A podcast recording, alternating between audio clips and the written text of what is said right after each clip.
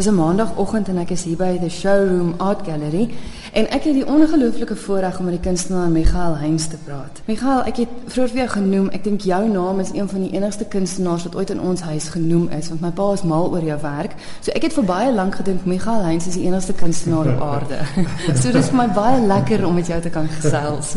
Dankie. Jou uitstalling het Saterdag hier geopen by die galery. Hier is 'n magtom werk en soos ek verstaan is dit ook 'n werk wat nie alles noodwendig nou onlangs geskilder is nie. Dit kom oor 'n paar jaar. Ja, nee, dit is so omtrent 15 jaar se werk. En dan heel wat van die werk was eintlik my pensioengeld wat ons gehou het en nou het dit te veel begin raak en word beskikbaar gestel. Maar ehm um, so dit word vir die eerste keer uitgestal. So daar's werke wat regtig nog nooit voorheen uitgestel is, alhoewel hulle ouer werke is.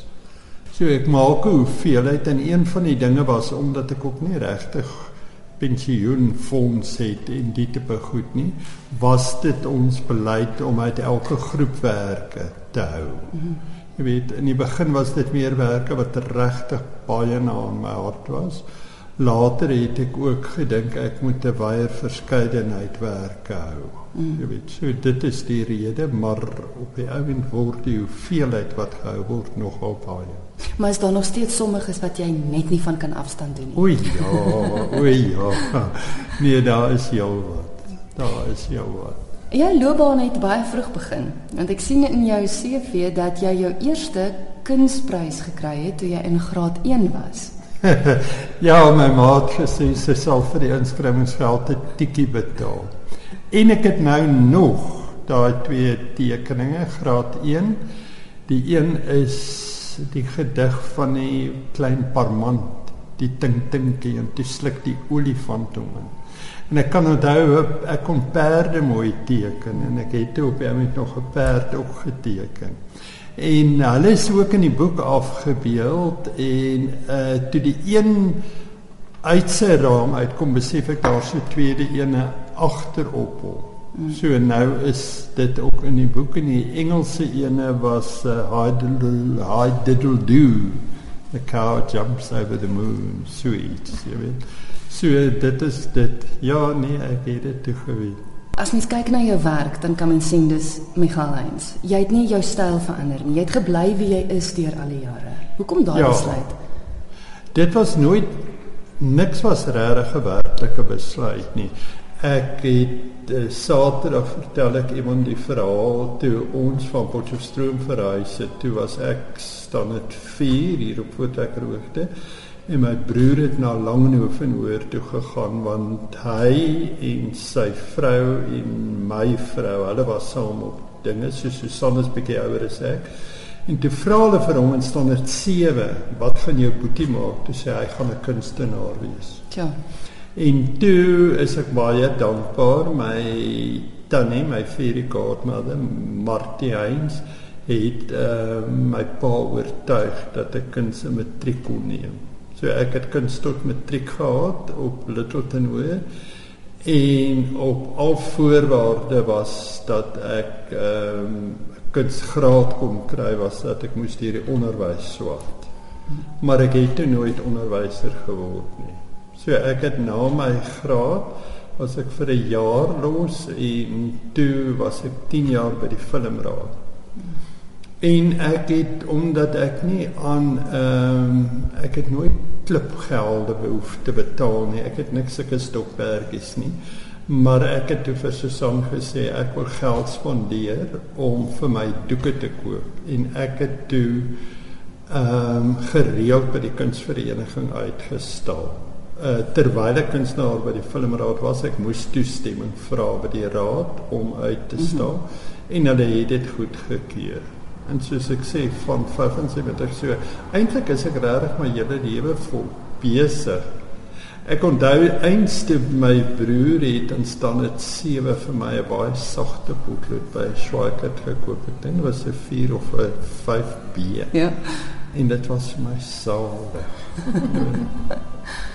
Jare terug as mense na jou kunswerke gekyk het, was dit as vreemd beskou geweest. Dit was 'n styl geweest wat vreemd was vir mense. Wat het gemaak dat jy nie besluit het ek gaan ook huisies en bossies teken om kommersieel nee, te wees nie? Nee, nee, nee.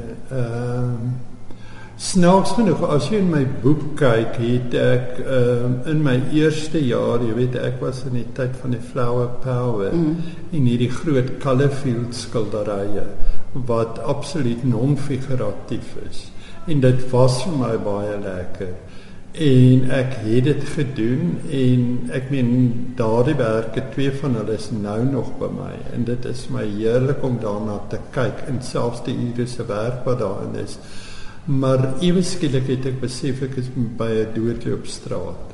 En toe ek dood eenvoudig piele en klippe en goed is my verskriklik mooi toe ek dit begin doen en omdat ek destyds by die filmraad was het die kameramanne geweet en dan die kameramanne as hulle terugkom van hulle toere bring hulle vir my 'n tolbos of 'n interessante saad of sulke goeders saam En toe was my palet baie monokromaties. Stuur Elderfield een van die kameramanne het gesê, "Dankie tog.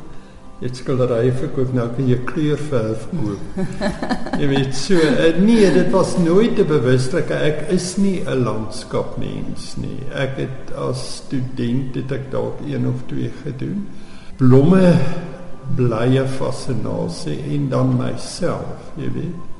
En dan ek het ook gekom as mens kyk na ander kunsrigtinge en jy kyk nou vir jong kunstenaars daar is en hoe goed hulle oor hulle werk kan praat.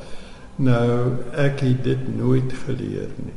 Jy weet vir my toe ek kuns geswat het was dit 'n kwessie jy moes die kunswerk skep vir homself basies reëls waaraan hy moet bou uh, verantwoord En as dit uitwerk, dan weet jy jy het 'n goeie werk.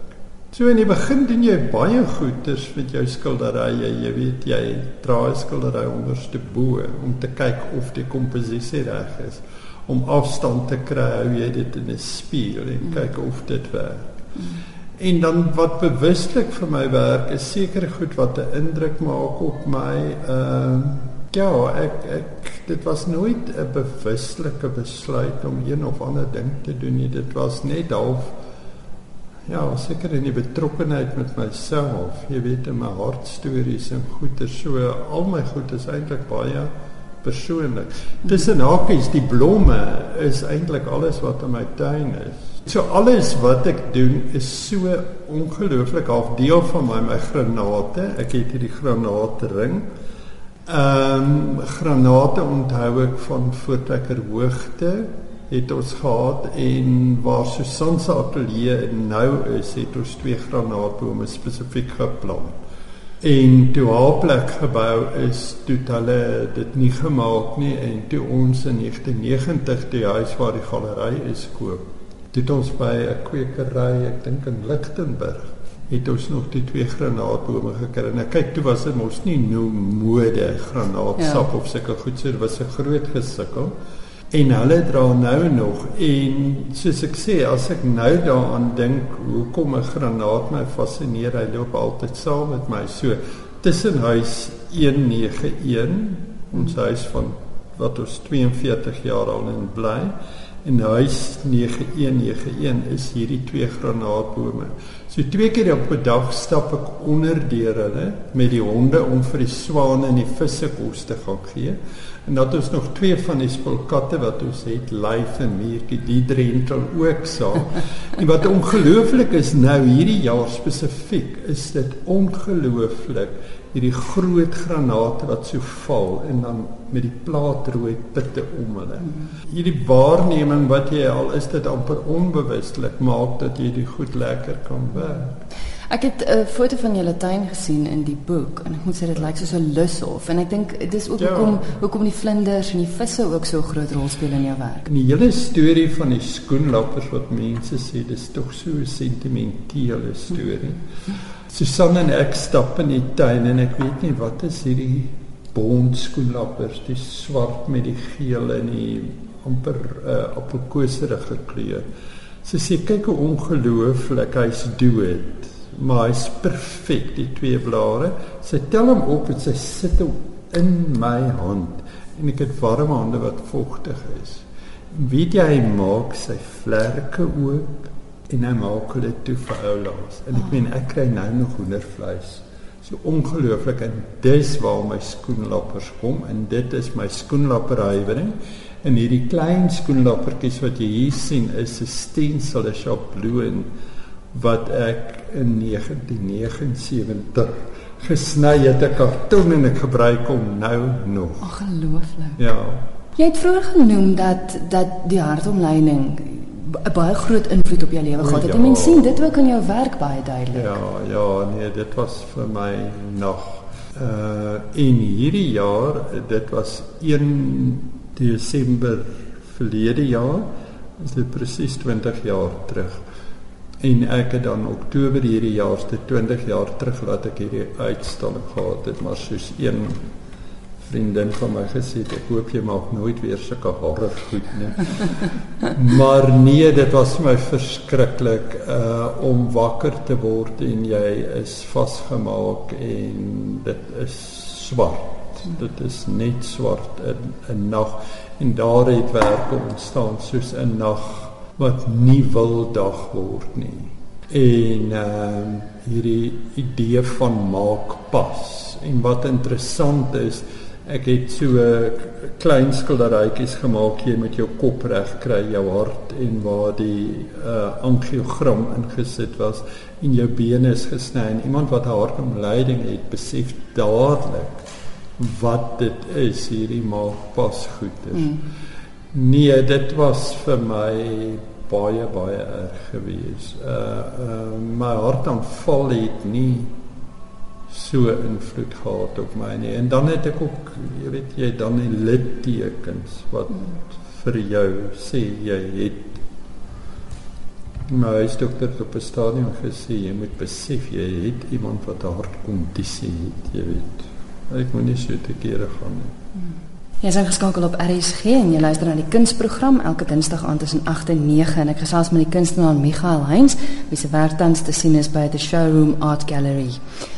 Michael, nog iets wat kenmerkend is van jou werk is die pirot wat jy gebruik. Net gou vinnig vir luisteraars, ekskuus, ek het nie geweet wat 'n pirot nie. Wat is dit? Is 'n clown, 'n Hans Boers. En Susan het dink in 1980 vir Kersfees. Mhm. Mm 'n porselein pirot gekoop. Pragtig die gesiggie. En toe het ek my eerste pirot gedoen wat my gefassineer het spesifiek is hierdie ongelooflike wit kraag. Mm.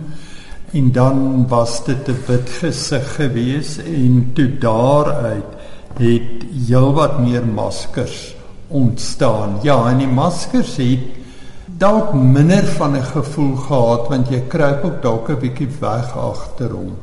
En maar na die tyd het van hulle werklik dink ek ook meer mensliker geword en dit was te later vir my wat ek suiwer gesigte begin werk het. So maar die Pierrot het baie gewild gebly nog. Ek is nie meer so gemotiveerd altyd om Pierrotte te maak nie.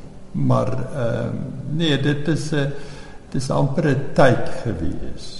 Wat wil jy hê moet mense sien as hulle na jou werk kyk? Ek hoop hy vind aanklank en ek hoop hy vind aanklank in goeders wat hy al ervaar het en ek hoop ek kan hom dalk nuut laat kyk na dinge. Weet jy, eintlik maak ek die werke net vir myself. Ek meen dit is eintlik die ding en ek is dan baie dankbaar as iemand 'n aanklank vind of 'n waardering het vir my werk. Mm -hmm. Ons het vroeër gepraat oor die kleur en ek dink die kameraman het gesê, "Joh, nou kan jy uiteindelik kleur koop." As mens kyk na jou werk ook hier, hier en daar is daar een wat so spatsel rooi het en waar waar kleur ongelooflik. Hoe 'n belangrike rol speel kleur in jou werk? Soos ek sê, flower power was waar ek begin het. In die begin Die eerste stel olieverfverwe was standaardkleure gewees en die tweede keer toe hulle nou begin opraak het ek die kleurkaart ge in die hande gekry toe gekoop en daar het ek spesifiek kleure gekoop wat ek nou nog gebruik. Glasuurlaag, dis indigo, lizard and crimson en transparent gold ochre. Maar nou en dan trigger iets net en eintlik is dit die kunswerk wat homself vra vir kleur. Mm. Maar ek is baie lief vir hierdie amper monokromatiese werk. Dit is my verskriklik mooi want dan kan jy baie meer speel met teksture. Buiten dan vir die vir die oliewerke wat jy maak, het jy ook keramiekwerk. Kleiwerke. Ja, dit was baie jare terug toe het ehm um, net van Rooyen gesê ek moet kom teels maak want dit kom nader aan my skilder om 'n oppervlakte ek wil half aan 'n medium ook kry. Toe dit begin en ek het ook gesê ek sal nooit met glasuur werk. Ek sal nooit vir my 'n oond koop en op die oomblik het ek twee oonde. Ek het 'n klein regop oond wat my klei koppe kan huisves en dan het ek 'n groot drie fase oond. Jou werk is nou te sien hier by the Showroom Art Gallery, maar jy het nou deur die loop van die onderhoud genoem ook dat daar 'n galery naby jou huis is. Aan my huis is 'n galery. Dis 'n aparte gebou met 'n ingang. Elkeen so een keer in 2 maande het ek net vir 'n Saterdag 'n oop dag. Ek het nie personeel nie. Mm -hmm. Maar dit is vir my lekker om 'n ruimte te hê wat beheerbaar is en wat klein is en waar ek regtig kan doen wat ek wil. Ek het nie 'n selfoon nie. En ek gelukkig. is nie ja, nie baie handig altyd met die rekenaar nie. So as mense my bel op die landlyn, is hulle baie welkom om te kom kyk. Want ek dink partykeer is dit ook die die hele omgewing nogal, jy weet, hmm. soos jy weet ons sê die visse en goed en die moonflowers, so dit die hele tuin bied dalk meer 'n oorsig oor wie Michael is op die ou.